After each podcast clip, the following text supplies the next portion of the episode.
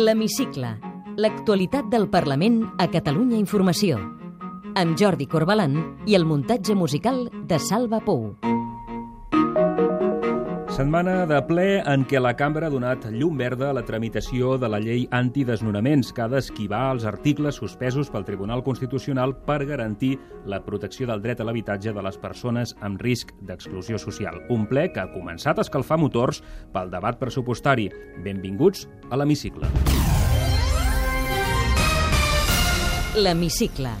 L'actualitat del Parlament a Catalunya Informació. La CUP i Junts pel Sí voten diferent en una moció perquè les rendes més altes paguin més impostos enmig dels retrets dels socialistes. Aquesta aliança és una aliança sòlida, molt sòlida en política fiscal. Nosaltres en podríem fer moltes de fotos del seu grup parlamentari votant juntament amb el Partit Popular. La victòria de Trump escola la sessió de control al president. Vostès han construït una barrera invisible que separa els catalans. La primera persona d'Europa que ha felicitat el senyor Trump és la senyora Le Pen, que precisament sobre la qüestió de Catalunya té exactament la mateixa posició que vostès. El ple dona llum verda a la tramitació de la llei antidesnonaments que ha de substituir la suspesa pel TC. El món local ens demanava eines amb urgència per poder donar resposta i amb aquesta llei les tornem a tenir. Escoltarem com veuen els catalans que viuen fora la llei de la comunitat catalana a l'exterior. per facilitar que la diàspora catalana formi part, com un actor més, de l'esdevenir col·lectiu del nostre poble. I contestaran una frase al qüestionari de l'hemicicle. Oriol Amat, diputat independent del grup parlamentari de Junts pel Sí.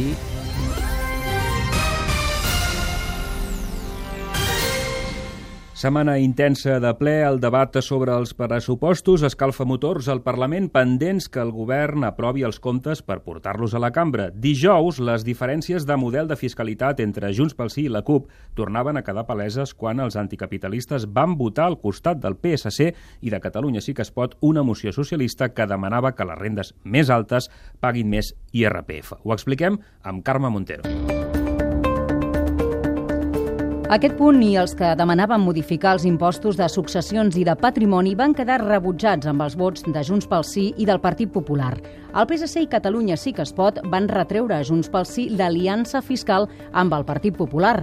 Sentim la socialista Alicia Romero, Joan Coscubiela, de Sí que es pot, i la rèplica de la diputada de Junts pel Sí, Carmina Castellví. Aquesta aliança és una aliança sòlida, molt sòlida en política fiscal. I per tant nosaltres el que voldríem és interpel·lar-los per veure si d'una vegada per totes canviem aquesta política, perquè al final la política fiscal diu molt de quin país volem i diu molt de quina societat volem. Sobretot jo li demanaria, si és possible, als amics d'Esquerra Republicana de Catalunya, que durant molt de temps hem compartit, alguns dels plantejaments de reforma fiscal, que no s'oblidin quan estan al govern del que havien dit durant molt de temps quan estaven a l'oposició. Si de veritat volen una revisió de la política fiscal de Catalunya, ajudi'ns a fer-la dins d'aquest nou país que estem construint. Deixeu-vos d'intentar fer retocs a un sistema tributari espanyol que és obsolet. Ciutadans i el Partit Popular instaven el govern a negociar amb l'Estat un nou finançament. Sentim l'apel·lació que feia el popular Enric Milló al vicepresident Junqueras i el diputat de Ciutadans, Antonio Espinosa. Impedeixi l'error del president Puigdemont, convenci el president Puigdemont per seure a la taula a negociar. Sinceramente, de la imaginación tributaria de Junts pel Sí y especialmente de la CUP, no podemos esperar otra cosa que saltarse la ley y algún despropósito fiscal. I la diputada de la CUP, Eulàlia Reguant, defensava la sobirania fiscal per acordar un nou sistema d'impostos. Que no ens quedem amb les engrunes, gestionant la misèria, gestionant els marges absolutament limitats d'una autonomia supeditada a tribunals polítics. Les diferències no van impedir que s'aprovessin altres punts de la moció, com el que insta el govern a millorar la gestió tributària de l'impost dels habitatges buits, a recuperar l'impost sobre dipòsits bancaris i a revisar els beneficis fiscals autonòmics, eliminant o modificant els que són clarament regressius. I el ple aprovava una altra moció que insta el govern a aplicar l'any que ve un impost sobre les begudes amb excés de sucre o de sodi. En canvi, rebutjava estendre aquest gravamen a la resta d'aliments sòlids que poden perjudicar també la salut. La diputada de Catalunya Sí que es pot, Marta Ribas, impulsora de la moció, lamentava que el vot en contra de Junts pel Sí i el Partit Popular hagi impedit que també es gravin els aliments sòlids o en pols, amb excés de sucre, sodi i greixos. Sentim Ribas i la rèplica de la diputada de Junts pel Sí, Anna Caula. És l'Organització Mundial de la Salut qui diu que cal un gravamen del 20% almenys per als aliments insans, per acabar amb el que és una epidèmia de salut pública. Altra cosa és l'impost sobre els aliments, que ni aquí ni a tots els països europeus on s'ha estudiat estem preparats per abordar-lo. Un altre dels punts de la moció insta el govern a impulsar un sistema propi d'etiquetatge dels aliments sense la ingerència de la indústria alimentària. L'Hemicicle el Parlament a Catalunya Informació. La llei antidesnonaments que ha de substituir els articles suspesos pel Tribunal Constitucional es continuarà tramitant per la via d'urgència a la cambra després que el ple ho va aprovar dimecres. El projecte de llei estableix instruments alternatius perquè fonamentalment els ajuntaments tinguin eines per protegir el dret a l'habitatge de les persones amb risc d'exclusió residencial. Preveu l'expropiació temporal de l'ús d'habitatges buits de les entitats financeres. Estableix un sistema per reallotjar les famílies amb un lloguer social de 3 anys ampliable a 6 i recupera la mediació a través del Codi de Consum per paralitzar els desnonaments. La consellera d'Habitatge, Meritxell Borràs, admetia que no és la llei que voldrien, però proporciona instruments als ajuntaments. Aquesta és una llei que és una bona llei per substituir la 24-2015, però no és una nova llei d'habitatge. El món local ens demanava eines amb urgència per poder donar resposta i amb aquesta llei les tornem a tenir. L'oposició comparteix majoritàriament que calia donar resposta a la suspensió del Tribunal Constitucional i alguns grups com Catalunya Sí que es pot i la CUP ja han expressat la seva intenció d'esmenar el text per millorar-lo. L'Hemicicle. L'actualitat del Parlament a Catalunya Informació.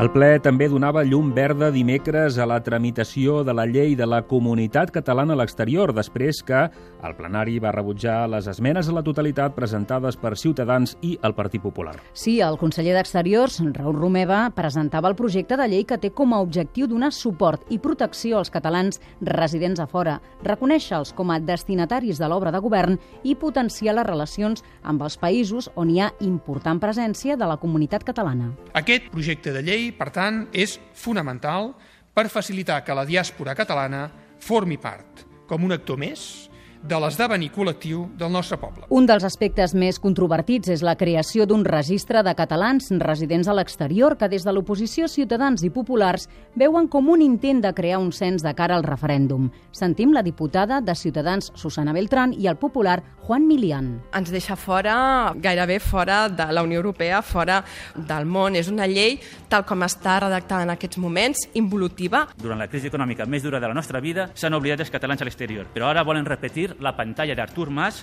repetir un nou avís, tornen a pensar en els catalans a l'estranger i tornen a pensar en el registre. La CUP retreia a Ciutadans i Populars que s'obsessionessin amb el registre. Catalunya sí que es pot no veu en la llei una nova estructura independentista i el PSC demanava mecanismes perquè els residents a fora participin en l'elaboració de les polítiques públiques. Bé, més enllà d'aquest debat polític, hem volgut saber com es veu des de la comunitat catalana a l'exterior que es posi en marxa aquesta llei. Marta Clapés ha parlat amb alguns catalans que viuen a l'estranger.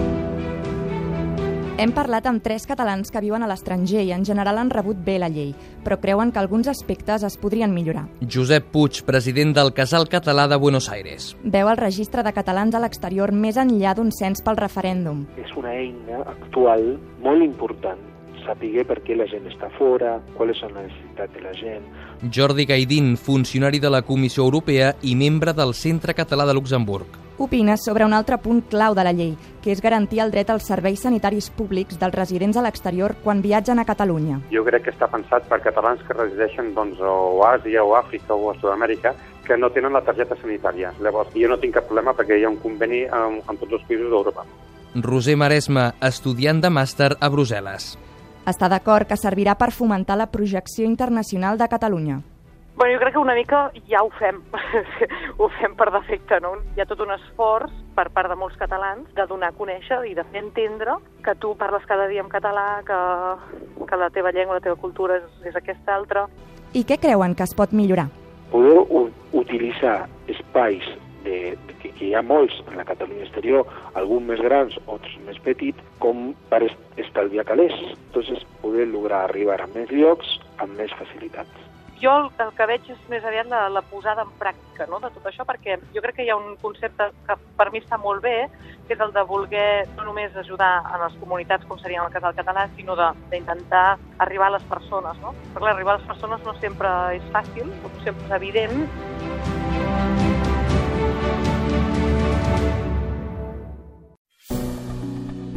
L'hemicicle. El ple d'aquesta setmana ha reobert eh, també el debat perquè Catalunya tingui llei electoral, una assignatura pendent de la cambra des del 2007. El ple ha donat llum verda a la tramitació d'una proposició de llei de Catalunya sí que es pot, després que el Partit Popular va retirar Carme l'esmena a la totalitat que hi havia presentat. Sí, Jordi, i res fa pensar que aquesta vegada sigui la definitiva. Amb tot, és el primer cop que es començarà a tramitar un text legislatiu després que l'anterior mandat els grups es van quedar encallats en la negociació del sistema electoral. La diputada proposant Marta Ribas defensava el text, però des de Junts pel Sí, el diputat Roger Torrent creu que arriba tard perquè l'etapa autonomista està superada. Anem cap al model d'estat que anem, necessitarem una llei electoral i caldrà haver fet aquests debats i haver-los tancat. I tant que volem fer una llei electoral. És més, és una assignatura eh, pendent d'aquest procés constituent que farem, però volem fer la llei electoral de la República Catalana. El PP, Ciutadans i el PSC van acusar l'antiga Convergència i Esquerra d'haver obstruït la llei electoral. Parlen el popular Santi Rodríguez, Carlos Carrizosa, de Ciutadans, i David Pérez, del PSC. El que no farem des del nostre grup parlamentari és donar suport a una llei electoral que no tingui sistema electoral. Los que torpeden una ley en la que el voto de todos valga igual es que quieren seguir haciendo trampas. No tenim una nova llei electoral perquè hi ha dos partits que l'actual llei els beneficia, que són Convergència i Esquerra. Algú ho havia de dir. Anna Gabriel va garantir que la CUP treballarà perquè la llei electoral catalana tiri endavant. Demostrarem que no ens mouen les lògiques eh, partidistes i us asseguro que si podem fer que amb aquesta llei s'aprofundeixi en el terratrèmol polític per acabar amb el sistema, evidentment nosaltres estem aquí per això. Sessió de control. Feia només unes hores que s'havia produït i la victòria de Donald Trump es va colar dimecres a la sessió de control, en què també es va parlar del procés i de les seves conseqüències judicials. El popular Xavier García Albiol va interpel·lar el president Puigdemont sobre el nou president dels Estats Units. És una tria dels electors americans que no ens agrada, però que s'ha de respectar i a partir d'aquí aquesta realitat s'ha de gestionar. Jo no sé si el, el proper president dels Estats Units eh, construirà, per exemple, un mur. Sí que li puc garantir que aquí a Catalunya eh, vostès han construït una barrera invisible que separa els catalans. Uh, sap qui ha felicitat? La primera persona d'Europa que ha felicitat el senyor Trump és la senyora Le Pen que precisament sobre la qüestió de Catalunya té exactament la mateixa posició que vostès. A la mateixa sessió, el diputat de la CUP, Benet Salell, es preguntava al president si el govern defensarà els càrrecs electes investigats pel procés. No es tracta de criticar l'actuació del cos de Mossos d'Esquadra. Es tracta de si tenim el compromís que els responsables polítics treballaran fins allà on sigui possible per defensar els càrrecs electes davant de la injustícia de les decisions antidemocràtiques de l'estat espanyol. En una separació de poders com la que defensem, l'actuació de l'autoritat judicial no està subjecta almenys a Catalunya, els criteris polítics. No diria el mateix ni posaria el mal foc per altres administracions. Des de Junts pel Sí, Jordi Turull recordava el segon aniversari del 9-N. Avui, 9 de novembre, des de Junts pel Sí, volem fer aquest acte de reafirmació de la nostra determinació. Quina és la millor manera de mantenir-nos fidels al compromís de la gent i l'encàrrec del Parlament? Doncs fer que tot aquest propòsit es converteixi en realitat.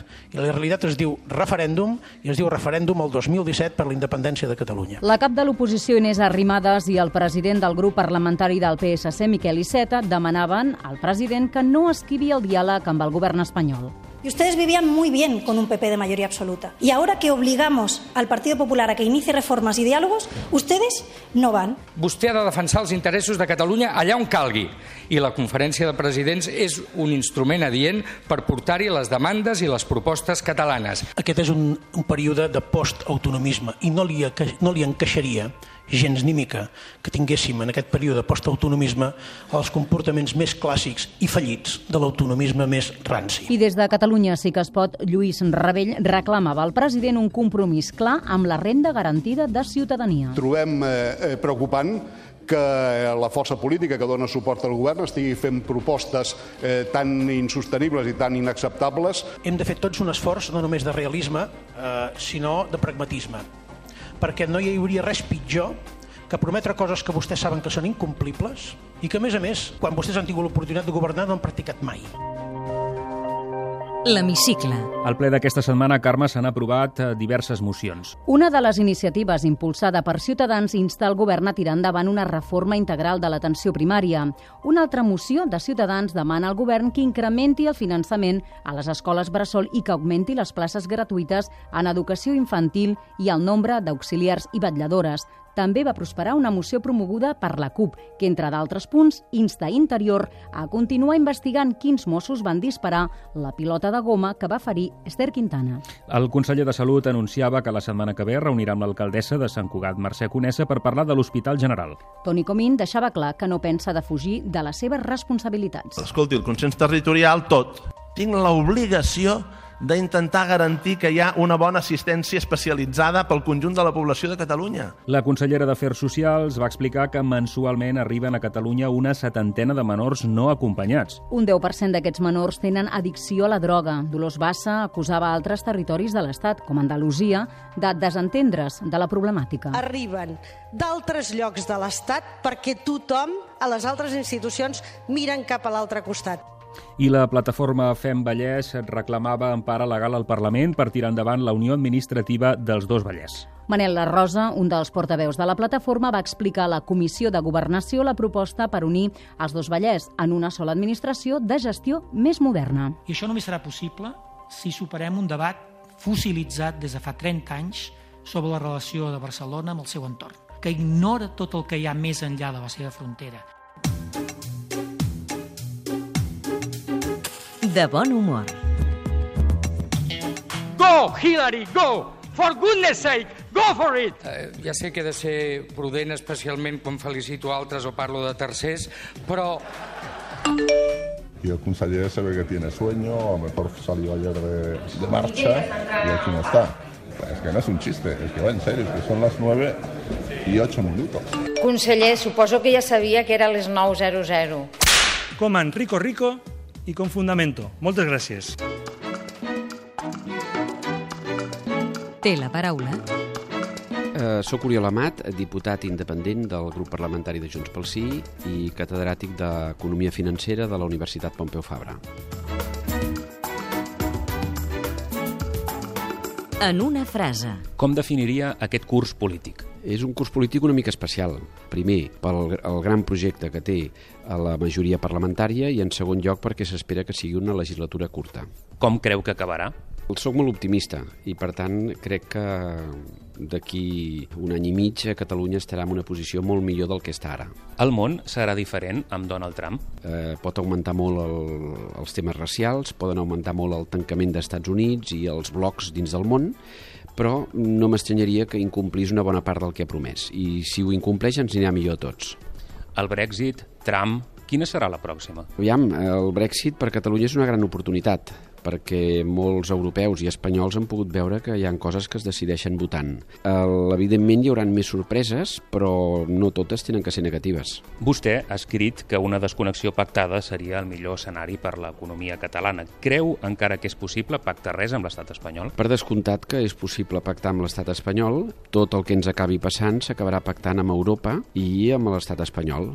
De la mateixa manera que s'haurà de pactar doncs, amb la resta de països del món. Què hi fa tot un catedràtic d'Economia Financera i Comptabilitat al Parlament? El meu paper és més a la universitat, però m'ho van demanar, vaig pensar que podia ajudar i el que estic fent aquí és intentar ajudar a culminar un procés que millori eh, Catalunya i que tinguem el país que ens mereixem. Em diuen que vostè no és gaire de discursos. Creu que al Parlament hi ha massa retòrica? Una part d'aquesta retòrica és molt bona i és una retòrica que val la pena, però en general el Parlament és molt ineficient. Eh? Nosaltres destinem als plens el 50% més del, te del temps que es dedica al Regne Unit. I el Regne Unit, el Parlament britànic, té unes quantes competències més. Si no hagués estat economista, a què li hagués agradat dedicar-se? Hauria intentat ser metge. Està enganxat a les xarxes socials? Eh, no, tot i que estic a Twitter, eh, li dedico 5 minuts al matí i 5 minuts a la nit, i també al cap de setmana li dedico 5 minuts a l'Instagram. Té pis de propietat? Sí. Paga hipoteca? Sí. És soci d'algun club esportiu, membre d'alguna ONG, d'alguna entitat cívica? Eh, soc membre de la Fundació del Barça, però no sóc soci. És puntual? Sí. Deixa propina? A vegades sí. Quants diners porta la cartera habitualment? Uns 50 o 60 euros. Recorda quan ha pagat de llum en l'últim rebut? Sí. Ens ho pot dir? Sí, uns 80 euros. On s'escapa quan vol desconnectar del tot? A casa. Fa esport amb certa freqüència? Sí, camino molt. Quin plat de cuina mm, li agrada més fer si és que sap cuinar? No sé cuinar, em sap greu, no sé cuinar, però el que més m'agrada és la paella. Qui li planxa les camises? Doncs a casa de la meva dona. Recomani'ns un llibre. Uh, Gok, de Giovanni Papini. Una pel·lícula? 2001, una audició a l'espai. Quina banda sonora posaria la seva vida? Uh, Boig per tu. Hi ha alguna cosa després de la mort? M'agradaria que hi hagués alguna però em sembla que no hi ha res. Què l'omple més a la vida? Estar a casa doncs, amb la dona, els nens i amb la família, observant un bon paisatge del Pirineu o del mar. Quina és la seva màxima? mirar sempre l'ampolla mig plena. Oriol Amat, diputat independent dins del grup de Junts pel Sí, gràcies per ser a l'hemicicle. Gràcies a vosaltres.